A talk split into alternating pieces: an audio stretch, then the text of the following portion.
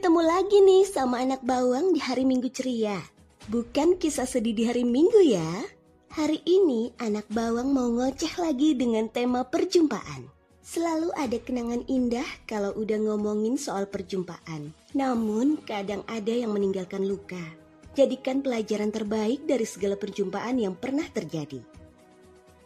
Tanpa diduga dan direncana, gue bisa langsung ketemu sama salah satu member cafe DAI yang beda kota sama gue. Tadinya gue pikir beliau cuma ngerjain gue kalau dia mau ke papan. Ya berhubung beliau itu kan orangnya suka banget ngerjain orang. Tapi ternyata beliau beneran datang. oh iya, anak bawang belum kasih tahu namanya ya. Nama beliau adalah Dicky Bryan. Biasa gue panggil Om Dicky. Beliau jago bahasa Inggrisnya. Keberuntungan banget kan gue bisa langsung sharing sama Om Dicky. hmm, selama kita bertemu, selama itu juga gue dilatih dalam pengucapan yang benar dalam bahasa Inggris. Satu pesan Om Diki yang tersirat bagaikan sebuah doa buat gue yang gue selalu ingat.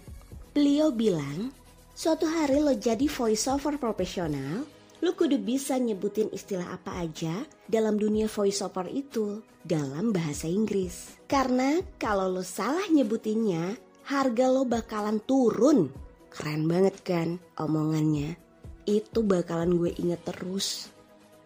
Walaupun kita nggak selalu bisa ketemu, paling nggak kan gue masih bisa sharing sama Om Diki via WhatsApp seperti sebelum-sebelumnya. Kayak waktu itu, saat gue baca postingan yang menyebutkan ada klien yang nyari voiceover native English speaker. Ya, gue tanya sama Om Diki, maksudnya gimana tuh Om? Kata Om Diki, kalau native speaker English, contohnya kayak gini. Yes, so it's when offering a friend or someone a lift from one place to another. Can I give you a lift or do you need a lift to the shops? Do you need a lift home? Itu temannya Om Diki dari Australia yang ngomong barusan. Terus Om Diki bilang, kita kan nggak punya English native speaker. Kalau native like artinya orang yang bisa berbicara seperti orang asing padahal dia orang Indonesia. Itu kata Om Diki. Selain sama Om Diki, kalau urusan bahasa Inggris via WhatsApp, gue sama Kak Hafi. Kayak waktu itu ada klien dari luar negeri email gue. Nah selanjutnya kita lihat aja nanti ya. Deal or no deal itu urusan Tuhan. Kalaupun no deal, nggak akan pernah pesimis. Saat ini lu nggak diterima, saat ini lu lu anggap lu ditolak karena mungkin suara lu nggak cocok. Udah santai, slow, slow tetap bersyukur. Kita nggak pernah tahu kan, suatu hari nanti itu orang yang denger suara lo, itu orang yang tadinya bilang nggak cocok, bakal nyariin lo.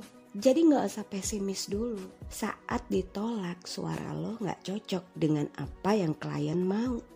Bisa jadi karena warna suara lo bukan suara yang gampangan. Warna suara lo unik. Mereka yang denger itu bingung nanti bakalan kita nggak tahu dua tiga bulan kemudian atau setahun dua tahun kemudian mereka cari lo. Banyak ilmu yang gue dapatkan dari Om Diki terlebih istilah voiceover dalam bahasa Inggris. Begitu juga Kak Hafi. Terima kasih Om Diki, terima kasih juga Kak Hafi. Akan selalu anak bawang ingat apa yang pernah kalian ingatkan, apa yang pernah kalian ajarkan.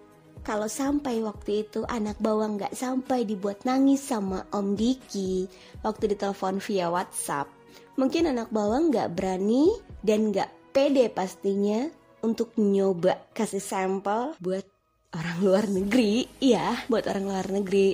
Thank you Om Diki. Semoga pertemanan kita, hubungan silaturahmi kita akan selalu berlanjut hingga waktu menentukan kita berpisah dari dunia ini kelamaan ngoceh keluar dari temanya.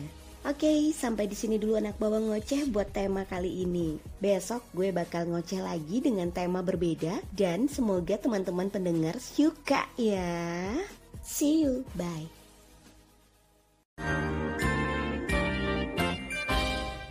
Ketemu lagi sama anak bawang di hari Senin pertama di bulan Desember.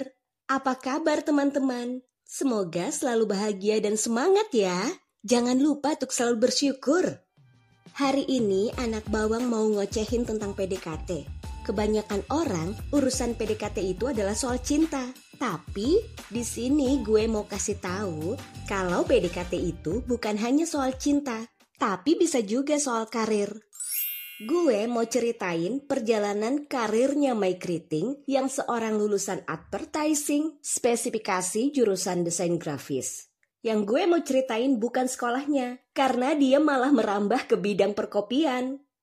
Kisahnya berawal saat dia kerja di Dialog Coffee, menjadi seorang barista selama dua tahunan. Banyak hal yang tadinya dia nggak tahu dan akhirnya jadi tahu.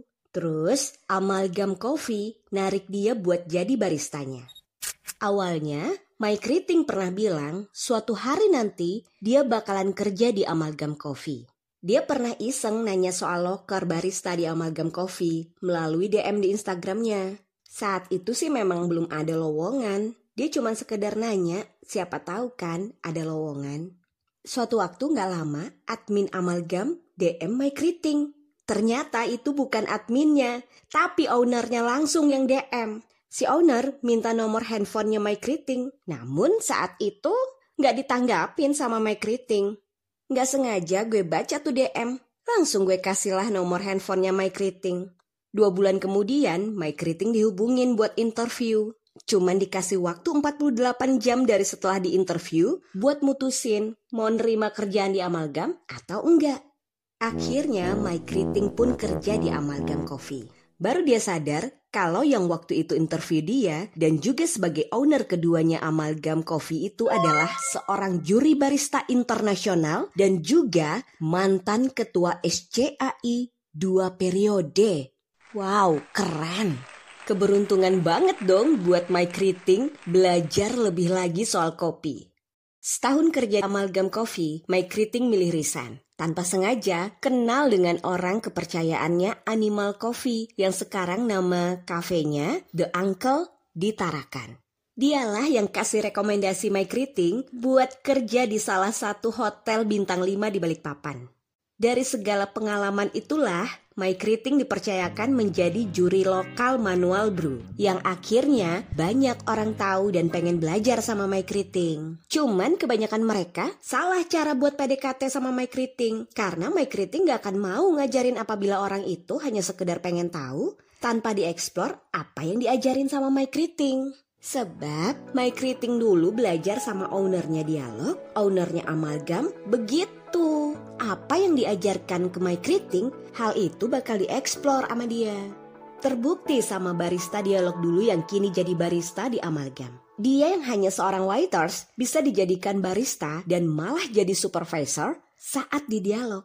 Hanya dalam waktu seminggu Mike Riting ngajarin dia atas persetujuan owner Dialog. Ngomongin soal PDKT, baru-baru ini mantan HRD-nya Mike Riting di hotel dulunya minta ke Mike Riting buat trainingin dua orang buat jadi barista di kafenya. PDKT-nya lewat gue. Dia WA ke gue. Terus gue kasih nomor Mike Riting deh.